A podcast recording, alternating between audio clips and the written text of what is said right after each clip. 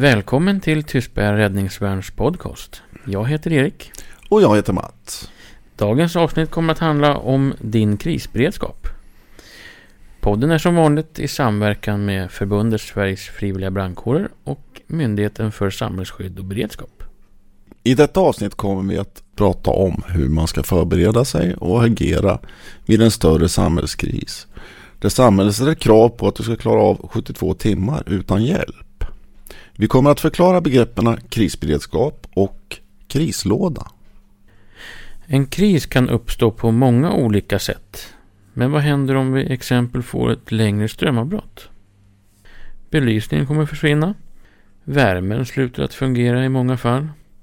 Det som har veduppvärmning eller kamin kommer att klara sig bättre. Vattenförsörjningen kommer också att försvinna eftersom det fylls på med pumpar eller att det drivs direkt med, med pumpar, vattensystemet. Och en vuxen människa behöver 2-3 liter vätska per dag för att kunna överleva.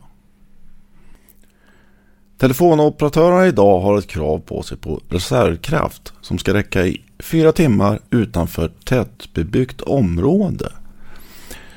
Det betyder att eftersom vi allt mer går över till mobiltelefoni så kommer vi ganska snart att inte kunna kontakta någon eller ringa efter hjälp utanför tätbebyggt område. Betalmöjligheter digitalt och med kort kommer att sluta fungera eftersom att de tjänsterna kräver ström.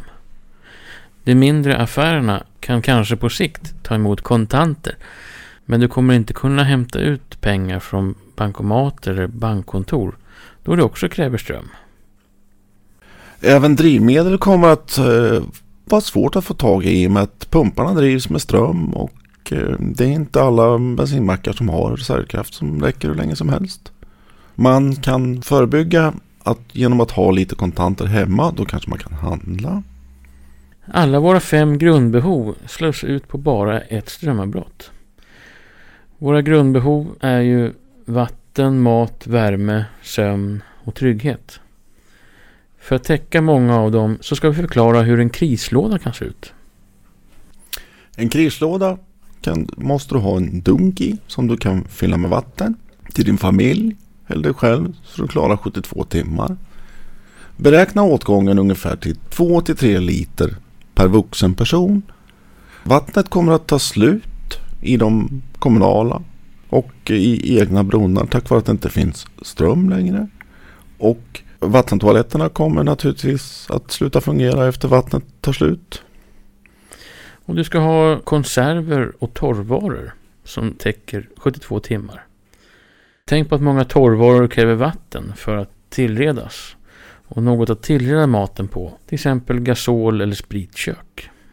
Glöm inte att ha gasol eller sprit hemma till köken. Ha några petflaskor fyllda med vatten i frysen så klarar sig maten i frysen mycket längre.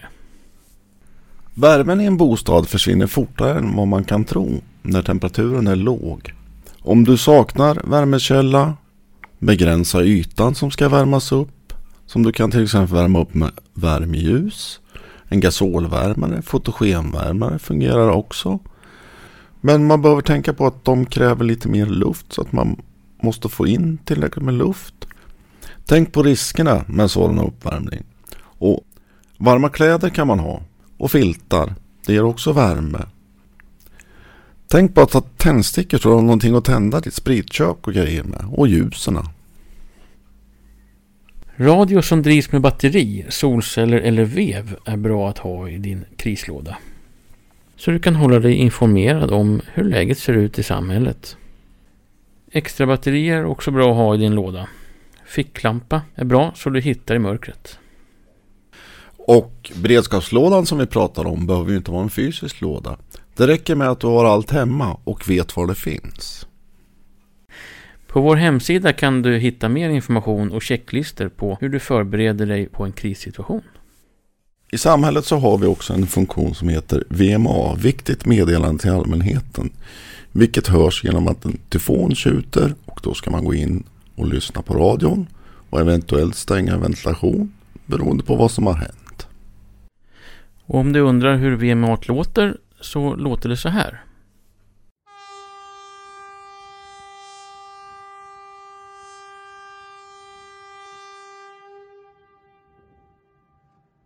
Och på vår hemsida finns det mer information om VMA. Gå gärna in och läs den.